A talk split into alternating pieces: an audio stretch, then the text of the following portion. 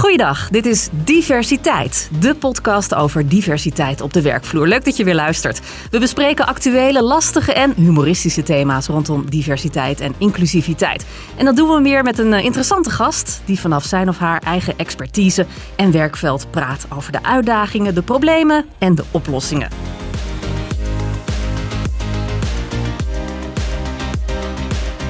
Deze keer gaan we het onder andere hebben over de mogelijke juridische uitdagingen door diversiteit, over vrouwenquota en de vraag waar vrouwen binnen een organisatie tegenaan lopen als ze ja, eens een keer goed carrière willen gaan maken. Mijn naam is Hannelore Zwitserloot en naast mij zitten Renzo Deurlo, oprichter van GreenFox Social Return en Okko Leiding, managing director van Harvey Nash Nederland, die vanuit hun eigen bedrijf en hun eigen ervaringen meepraten. Welkom weer heren. Dankjewel. Dank je. En deze keer is onze gast Saskia Klingeman, arbeidsrechtadvocaat en flex-specialist. Ze is advocaat sinds 2007, lid van de vereniging Arbeidsrechtadvocaten Nederland. En dat lidmaatschap kun je zien als een soort uh, kwaliteitskeurmerk. En ze is eigenaar van Advocaten van Nu, arbeidsrechtadvocaten voor de juridische vraagstukken van vandaag. Saskia, welkom in de podcast Diversiteit. Dankjewel. Allereerst, wat, wat versta jij onder diversiteit? Welke, welke elementen zijn volgens jou belangrijk daarin? Nou, eigenlijk is diversiteit dat je allerlei mensen van allerlei soorten en maten hebt en daar uh, ja, de beste eigenschappen uithaalt, of in ieder geval probeert te halen. En op wat voor manier heb jij daarmee te maken? Nou, ik ben natuurlijk vrouw, dus dat is toch een, uh, een ding uh, in het algemeen. Ehm, ik merk bij ons op kantoor bijvoorbeeld, wij zijn met vijf vrouwen en twee mannen afgelopen jaar of acht maanden heeft een van de mannen een sabbatical gehad. Die is nu weer net terug op kantoor. En ik merk gewoon ik zag dat het, het anders een Ironman is. uh, heeft hij uh, gedaan. Klopt, hè? Ja, ja, die heeft een sportieve sabbatical gehad. En ik merk gewoon dat dat op kantoor weer een andere uh, verhouding geeft. Prettiger. En ik niet dat mannen beter zijn of vrouwen beter zijn, maar dat de combinatie prettig is. Ja, maar de vrouwen zijn dus in de meerderheid. Ja. hoe, hoe, hoe is dat in de praktijk? Is dat anders? Is dat bijzonder? Um, ik denk dat dat wel vrij bijzonder is. Ik denk dat op de meeste, ik kan even alleen maar voor advocatenkantoren spreken uiteraard. De meeste advocatenkantoren wel redelijk de uh, verhouding 50-50 is. Bij ons is het dus iets, iets andere verhouding.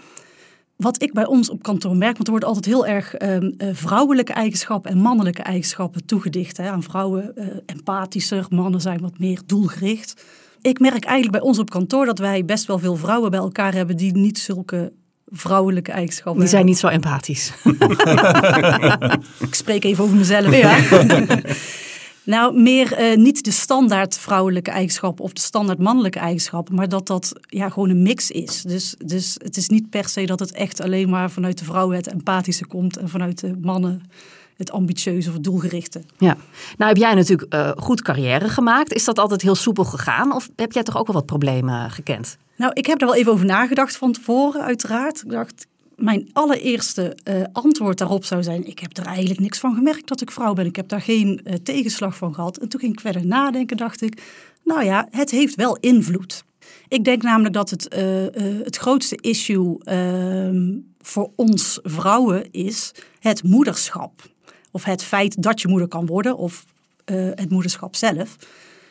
Um, daar zitten natuurlijk een heleboel beschermende maatregelen uh, op, die helemaal terecht zijn. Uh, ten aanzien van zwangerschapsverlof, ten aanzien van werktijden, allerlei zaken. Ja, het is eigenlijk elke keer een Ironman die je zelf ook volbrengt nou, natuurlijk. Hè? Zo'n zwangerschap ja. plus bevalling en de hele shizzle daarna. Daarom. Vergeet de mankant niet. Hè? Nee, nou, daar komen we zo op. We hebben het nu even over vrouwen. We het ook allemaal.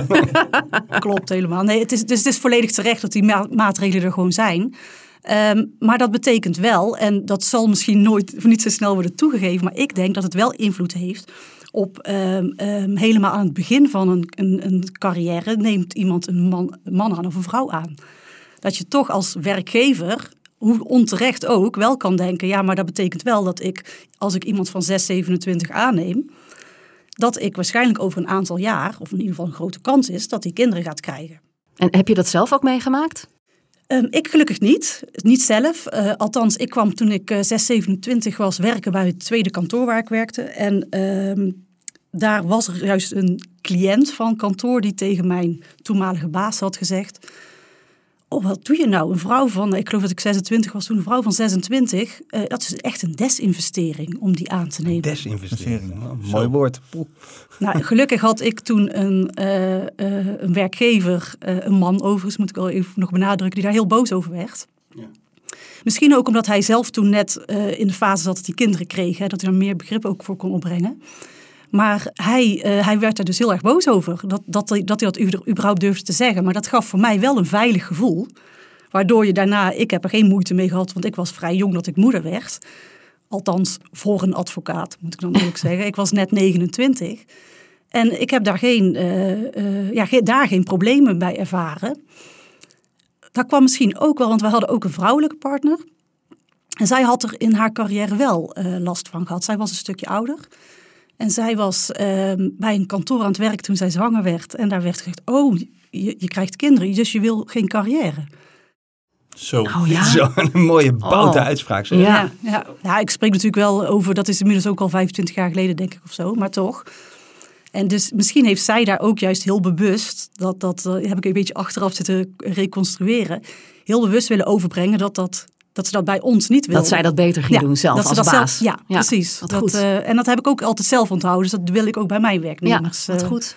Ja, ik heb daar ook echt wel ervaringen mee in de mediawereld. Ik had uh, toen ik zwanger was van mijn tweede dochter, toen zeiden ze: Oh, wat, wat goed. Want dan loopt precies je derde tijdelijke contract af. Kan je met verlof en dan kom je gewoon na een half jaar weer terug. Alsof het normaal is. Ja, ja, en toen zijn de DJ met wie ik toen werkte, Ruud de Wild, van nou, ik dacht het niet. Dat gaan we even heel anders eh, oplossen. Dus die is daar toen uh, voor gaan liggen en uh, dat is helemaal goed gekomen. Maar, maar nou, zelfs dus gewoon negen jaar geleden was dat, nog, was dat nog vrij normaal. En ik vind dat wel bizar. Ik ben bang dat het nog normaal is. Ja, hè? En het is heel erg, maar dat dat nog steeds zo is dat ook niet, het is ook niet vanuit een kwade opzet of zo. Hè, maar dat het gewoon zo economisch ja, Ergens snap ik dat ook wel. Want bij het werk van mijn man, daar zijn heel veel vrouwen. En die zijn af en toe gewoon echt nou, gewoon een jaar weg. En dan zijn ze weer, weer zwanger en dan, en dan weer een jaar. Ja, ik, ik begrijp op zich ook wel weer die werkgevers. Ja, een beetje. Ja. Het mag niet en het is niet oké. maar ergens snap ik het wel. Wat is, wat is jullie ervaring daarmee? Toevallig gaat over drie weken gaat een collega van mij een half jaar met uh, zwangerschapsverlof. En uh, uitgebreid over gehad. Ze krijgt zelfs nog een opslag gedurende die periode. We willen juist uh, rust nu uit. en in hoeverre je kan uitrusten. Kijk, die eerste maanden is natuurlijk echt wel heel pittig. En ik hoop dat ze daarna weer opgeladen kan. Aan de andere kant geeft het ons ook de tijd om niet afhankelijk te worden van één persoon. Zij kan er nu voor zorgen dat zij eigenlijk haar werk gaat verdelen. En dan komt ze eigenlijk met een leeg bureau komt ze weer terug. Ja, en dan verwacht ik eigenlijk gewoon weer dezelfde mooie dingen als, als voor die tijd. Maar dan met een leeg bureau. Dus ja, ik zie het eerder als een kans dan als een, uh, een bedreiging. Wat mooi. En jij ook al? Ik, ik zie het meer als een verandering waar een leidinggevende doorheen moet. Dus die is bezig met zijn plan, met zijn afdeling, met de doelstellingen, met taken die er liggen. En er komt iemand met een verandering. En die is altijd op te vangen. Dit is een praktisch probleem. Er is altijd een oplossing voor. Maar je moet er even tijd aan besteden de meeste van die leidinggevenden die uh, vreemde opmerkingen maken. Uh, de eerste reactie, ja, moet dat nou? Och, dat komt mij echt heel slecht uit. Ja, dan krijgt iemand een kind. Misschien moeten we daar even op focussen dan dat het voor jou als leidinggevende slecht uitkomt. Maar dat is gewoon ja, wat, wat, wat een soort Pavlov-reactie is, dat hun dag verandert. Hun beeld van hoe de komende zes maanden eruit ziet verandert. Ik vind het eigenlijk andersom nog een beetje een ding voor mannen. Ik heb nog niet uh, op dit moment, uh, ook heel toevallig, uh, deze week heeft een medewerker van mij vaderschapsverlof. Dus één week vind ik niet zo heel veel. Nee, ik, ik dacht dus, want in een van de eerdere podcasts zeg ik het verkeerd. Um, ik dacht dat dat al langer was. Ja, nee. Maar is dus niet zo. Met, het is wel langer. Alleen, ja, ja, maar, hij neemt het niet op. Ja, klopt. Klopt inderdaad. Ja, want je hebt wel de mogelijkheid. Het mag wel langer, maar inderdaad, hij neemt vijf dagen op. Maar ik vind het wel heel bijzonder. Ik heb zelf nou, vier dochters. Dus ik had wel drie Ironmans kunnen lopen. Ik, ik, doe het niet omdat ik geen zin heb. Maar in principe zou ik dat dus heel goed kunnen. Uiteraard. Tijdens de nachtflesjes uh, nog even erbij trainen. Maar ik vind het, uh, het Scandinavische model, hè, wat je vaak hoort. Waar dus mannen heel lang gewoon ook op ouderschapsverlof. Dat je het samen mee gaat maken. Verplicht hè? Ja, dat is ook beter. Ja. Die slapeloze nachten wil je toch niet in je eentje doen. Die hebben verplicht verlof? Uh, daar zit, uh, ik weet het niet uit mijn hoofd, want ik ben natuurlijk niet van het Scandinavische model uh, precies. Maar volgens mij is het daar zo dat je een bepaald aantal maanden als stel krijgt. Dus als, als vader en moeder of moeder en moeder en vader en vader. Ehm, en dat je dan ehm, eh, dat, dat moet verdelen, maar dat dat wel op een bepaalde manier verdeeld wordt. Dus ze kunnen niet zeggen, ik noem even 12 maanden, 12 maanden de moeder en 0 maanden de vader. Nee, dat moet op een bepaalde manier verdeeld Maar je hebt worden. samen een x aantal maanden. Ja. Mooi systeem. Ja, misschien toch nog een vijfde dochter. Ja, want dan heb je in feite mannen en vrouwen die allebei zeg maar tussen hun, nou ja, laten we zeggen eh 25ste en, en, en 40ste, eh, de kans lopen dat ze dus langere tijd eruit moeten, willen, Ja. kunnen. Dat is wel een Dus dat is, speelveld. dat is veel Ja. eerlijker. Eerlijk speelveld. Ja, ja. Ja. En ehm, op juridisch vlak, hè, waar loop je dan zoal eh, tegenaan? Ook eerst wat betreft het vrouw zijn. Want ik neem aan dat je daar ook wel dan in gespecialiseerd bent. Of dat in elk geval je voelsprieten wel de hele tijd uitstaan op het moment dat je zoiets signaleert. Nou, er gebeurt natuurlijk in de praktijk toch nog veel eh, op de werkvloer. Dus de, de discriminatie, ik bedoel, waar we het net over hebben, is bij het aannemen en eh, misschien bij het verlengen van een contract. Zonder dat het letterlijk wordt gezegd. Ja, dan kun je er ook niet zoveel mee. Maar er zijn natuurlijk ook echt werkgevers die het gewoon letterlijk zeggen. Oh, wij verlengen jouw contract niet omdat jij zwanger bent. Eh, en dat ook nog Mag een dat? Nee, dat mag niet. Oh, ja.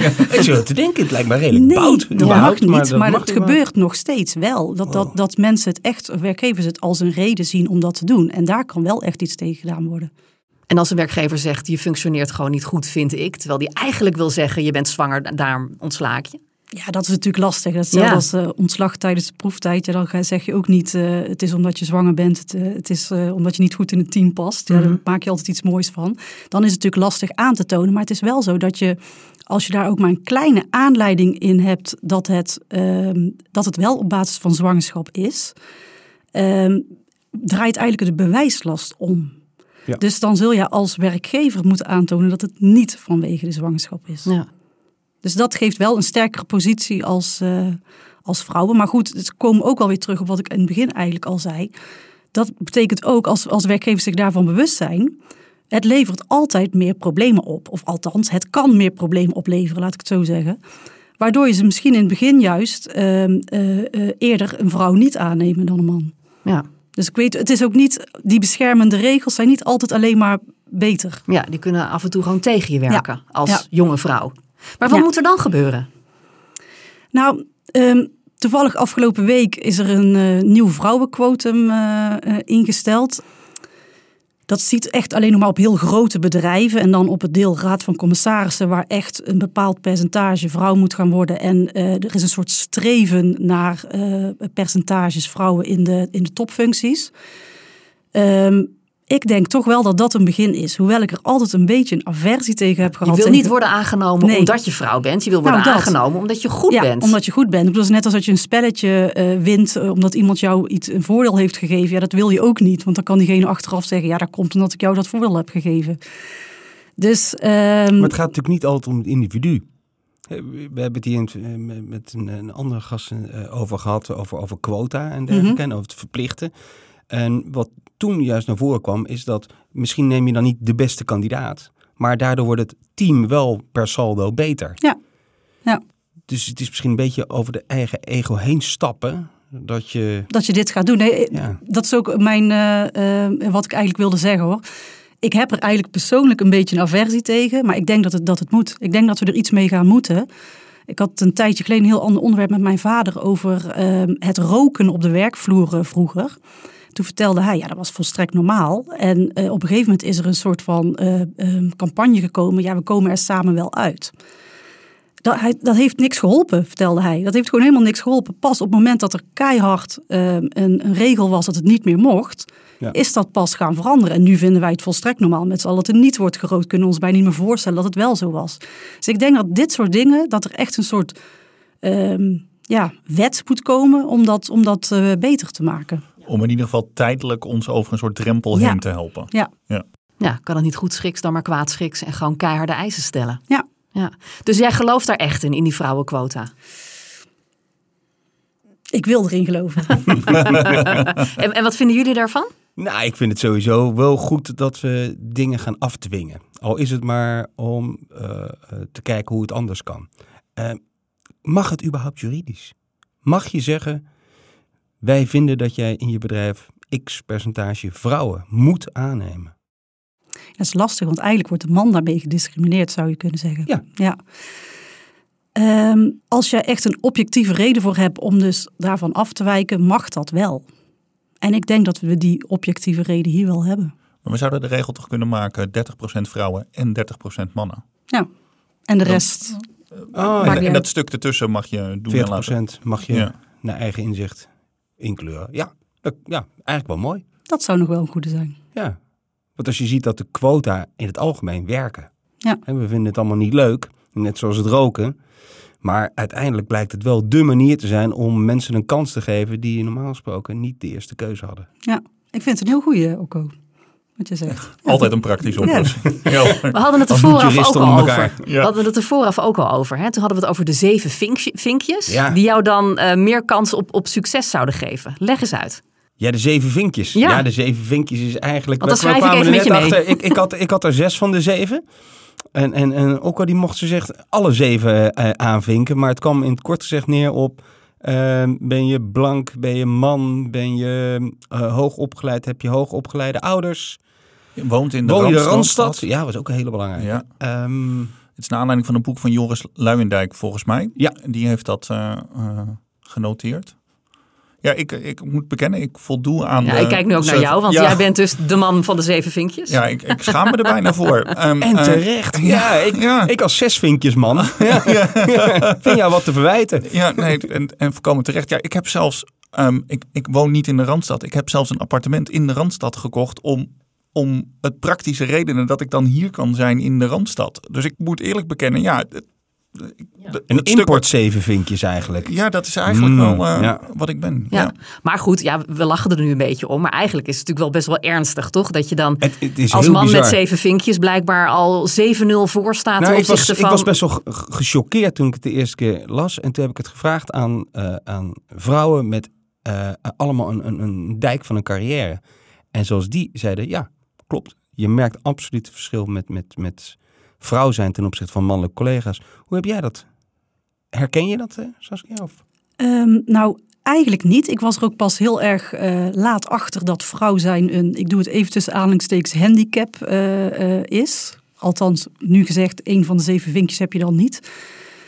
Dat komt, ehm, denk ik, vanuit, ja, vanuit huis uit. Bij mij thuis was, was daar geen verschil. En ik heb een broer, ik heb eh, eh, gelukkig twee ouders, ehm, waarbij dat nooit enig verschil heeft gemaakt. En als ik daaraan terugdenk, is dat ook echt al een aantal generaties terug. Dus dat was ook bij mijn opa's en oma's. En dat is toch iets, denk ik, wat er een beetje in zit. En ik kwam daar pas laat achter, omdat ik op een gegeven moment ehm, bij mijn eerste kantoor, was ik heel jong toen ik daar begon, 24.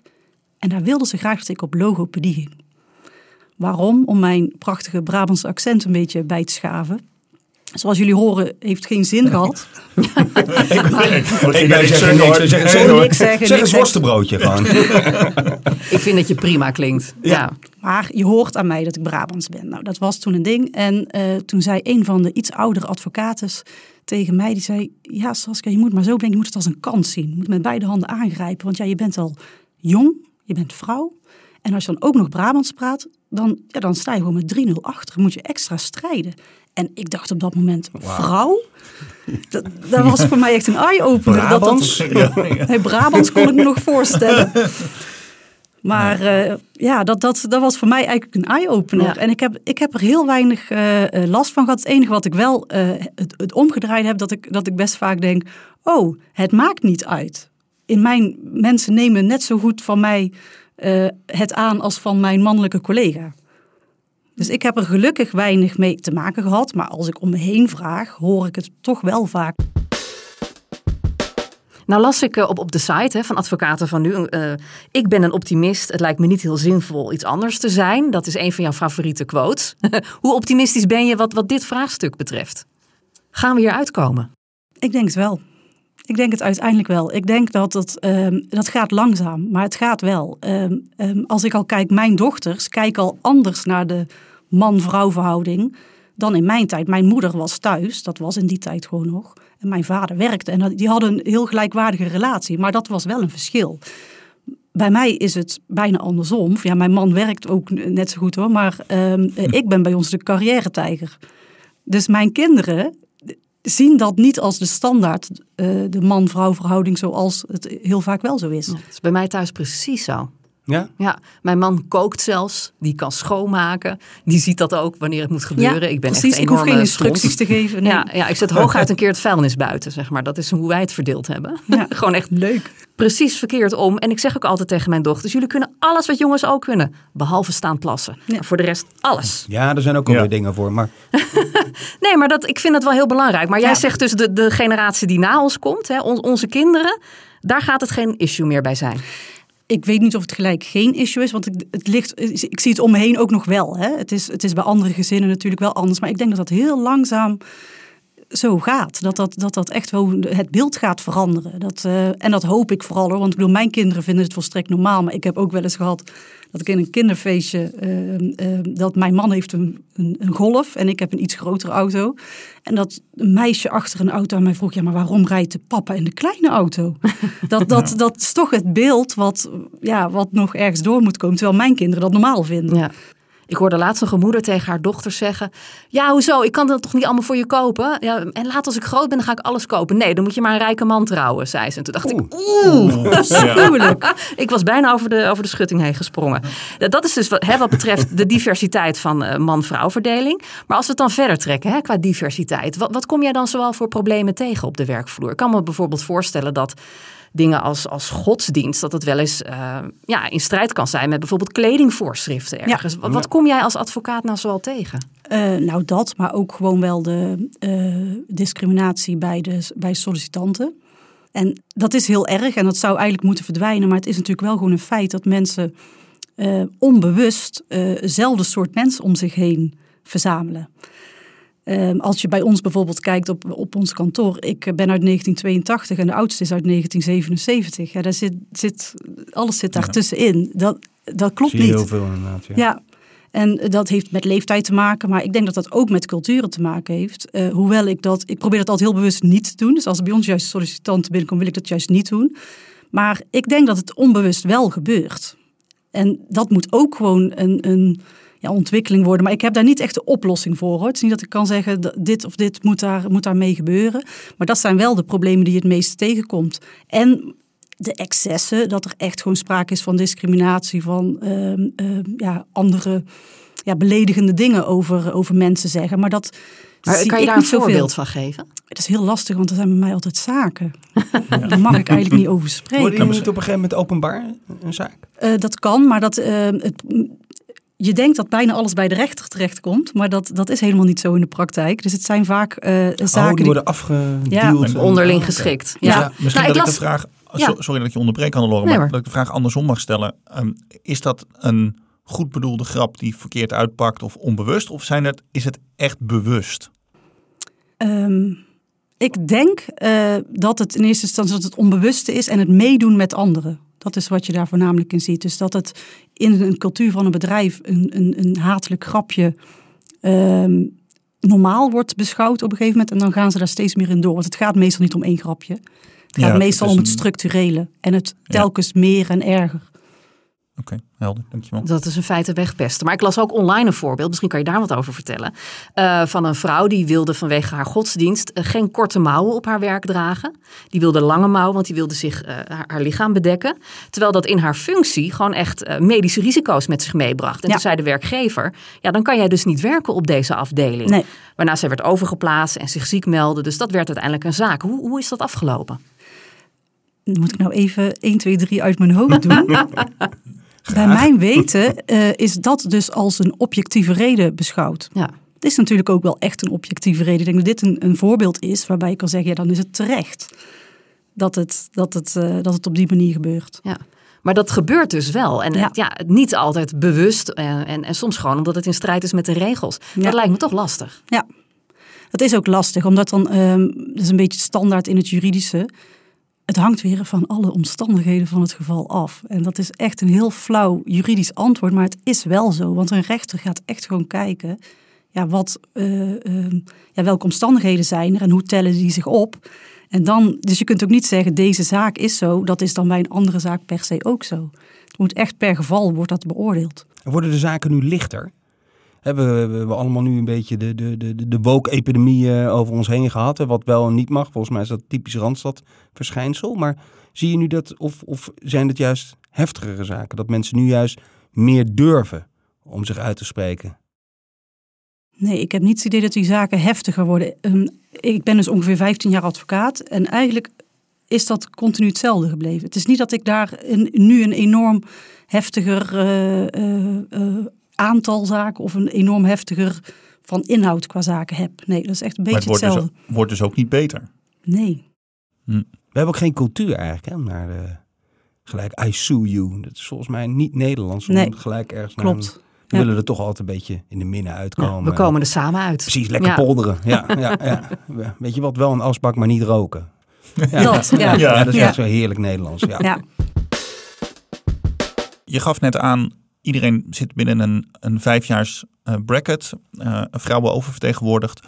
Denk je dat sollicitanten zich ook zelf selecteren? Dus die eh, zoeken jullie bedrijf op op LinkedIn. We hebben hier ook met anderen over gesproken. Merk je dat je ook gewoon meer sollicitanten in die leeftijdscategorie vrouw... ja. Dat is een goede vraag. Ik ben het even aan het terughalen. Ehm, nee, dat denk ik niet. Want de sollicitanten die wij meestal hebben zijn juist iets jonger. Omdat je als advocaat heb je echt een soort van standaard patroon in je carrière.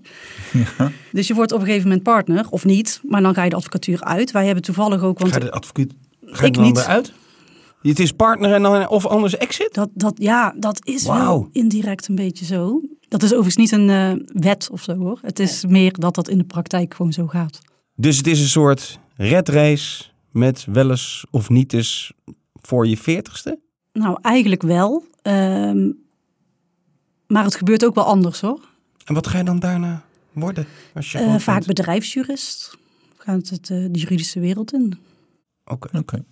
Het klinkt een beetje als de, als de grote accountantskantoren. Daar had ik dat Ja, beeld wel ja, van. precies. Ja. Ja. Dat is ook een soort Nou, eh, dit is-. Dit is ook wel meer bij de grote kantoren dan bij de kleine hoor. Bij de kleinere is het wel wat anders. Maar het is wel zo dat, eh, wat ik eigenlijk mee bedoel te zeggen, is dat je, eh, wij niet snel sollicitanten van 50 plus hebben. Omdat die er gewoon als medewerker heel vaak niet meer zijn. Dat zijn, dat zijn er nog maar weinig. Dus daardoor ja, Ja. hebben de ouderen zijn er eh, minder. De jongeren hebben wij helaas net eentje is per 1 januari uit dienst gegaan. Omdat ze inderdaad in een ehm, ehm, niet of, de advocatuur uit wilden. Dus Oh, ik dacht omdat ze Ja. zwanger was. Nee, zij, zij, zij was zwanger en zij heeft een kindje gekregen. En helaas is... eh, eh, Alsnog advocatuur. Ja, Ah. ja, helemaal eigen keuze hè, voor alle duidelijkheid. Het is wij hadden daar heel graag... Ja. Maar het lijkt me ook, ook wel weer een nadeel dan als vrouw. Zeker als je bij, blijkbaar zo'n zo'n timeframe hebt van binnen deze termijn moet je dan wel of geen partner worden. En als je dan eh, drie of vier kinderen krijgt, Ja. lijkt me lastig. Nou, Ja, dat dan is een heel goede. dat is een heel goede, want dat is eh, wat ik bij mijn eerste kantoor heb gemerkt. Ehm, daar heb ik ook maar heel kort gezeten hoor, dus eh, tussen mijn 24 en 27 of zo. Ehm, daar was het zo dat, dat de vrouwen kregen daar eind 30 hun kinderen. En daar vertelde iemand mij op een gegeven moment waarom dat was. Omdat ze zich dan pas zo ver in het partnertraject eh voelden dat ze dachten, ja dan kan ik nog partner worden.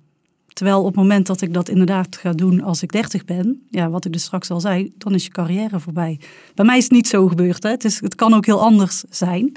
Maar dat is wel een beetje iets wat bij mensen in hun hoofd zit. Ik zeg niet dat dit vanuit de advocatenkantoren echt zo wordt gebracht. Maar het is wel iets wat bij vrouwen in het hoofd zit. Nou, dat is blijkbaar ook de praktijk dan. Ja, Ja. maar dan zou je dus eigenlijk heel praktisch kunnen zeggen... het Scandinavische model deel je vrije of je verlof eh, eh, uren, maanden, hoe dan ook, en een quotum. Ik zou zeggen ja, doen. Opgelost. Nou, we zijn eruit, Nou. jongens. Ja. Wie, wie belt meneer Rutte? Ja. Tot slot, Saskia, heb je nog één laatste praktische tip om, om diversiteit te bevorderen? Ehm, ik weet niet of het echt een praktische tip is, maar meer gewoon in het algemeen. Eh, wij zullen het als eh, sterke vrouwen uiteraard moeten doen. Maar wij hebben daar ook juist onze sterke mannen bij nodig. En dat zijn naar mijn idee de mannen die ehm, vrouwen niet als een bedreiging zien. En ik hoop dat, eh, of ik zie dat ook heel veel hoor. Echt 95% van de mannen om mij heen is gelukkig zo. Maar ik denk dat we dat gewoon nodig hebben, dat we het samen moeten doen. Ja, dus achter elke sterke vrouw staat een zelfverzekerde man. Zo is het. Ja, nou, Dat klinkt goed. Ja, hè? Toch? Ja, absoluut. Ja. Saskia Klingeman, bedankt voor het gesprek. En Ocon Rens natuurlijk ook weer bedankt. En jij bedankt voor het luisteren. Graag tot de volgende aflevering van Diversiteit. En dan hebben we als gast Start Foundation directeur Jos Verhoeven.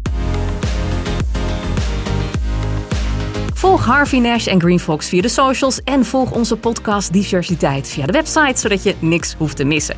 En die website is diversiteit.com.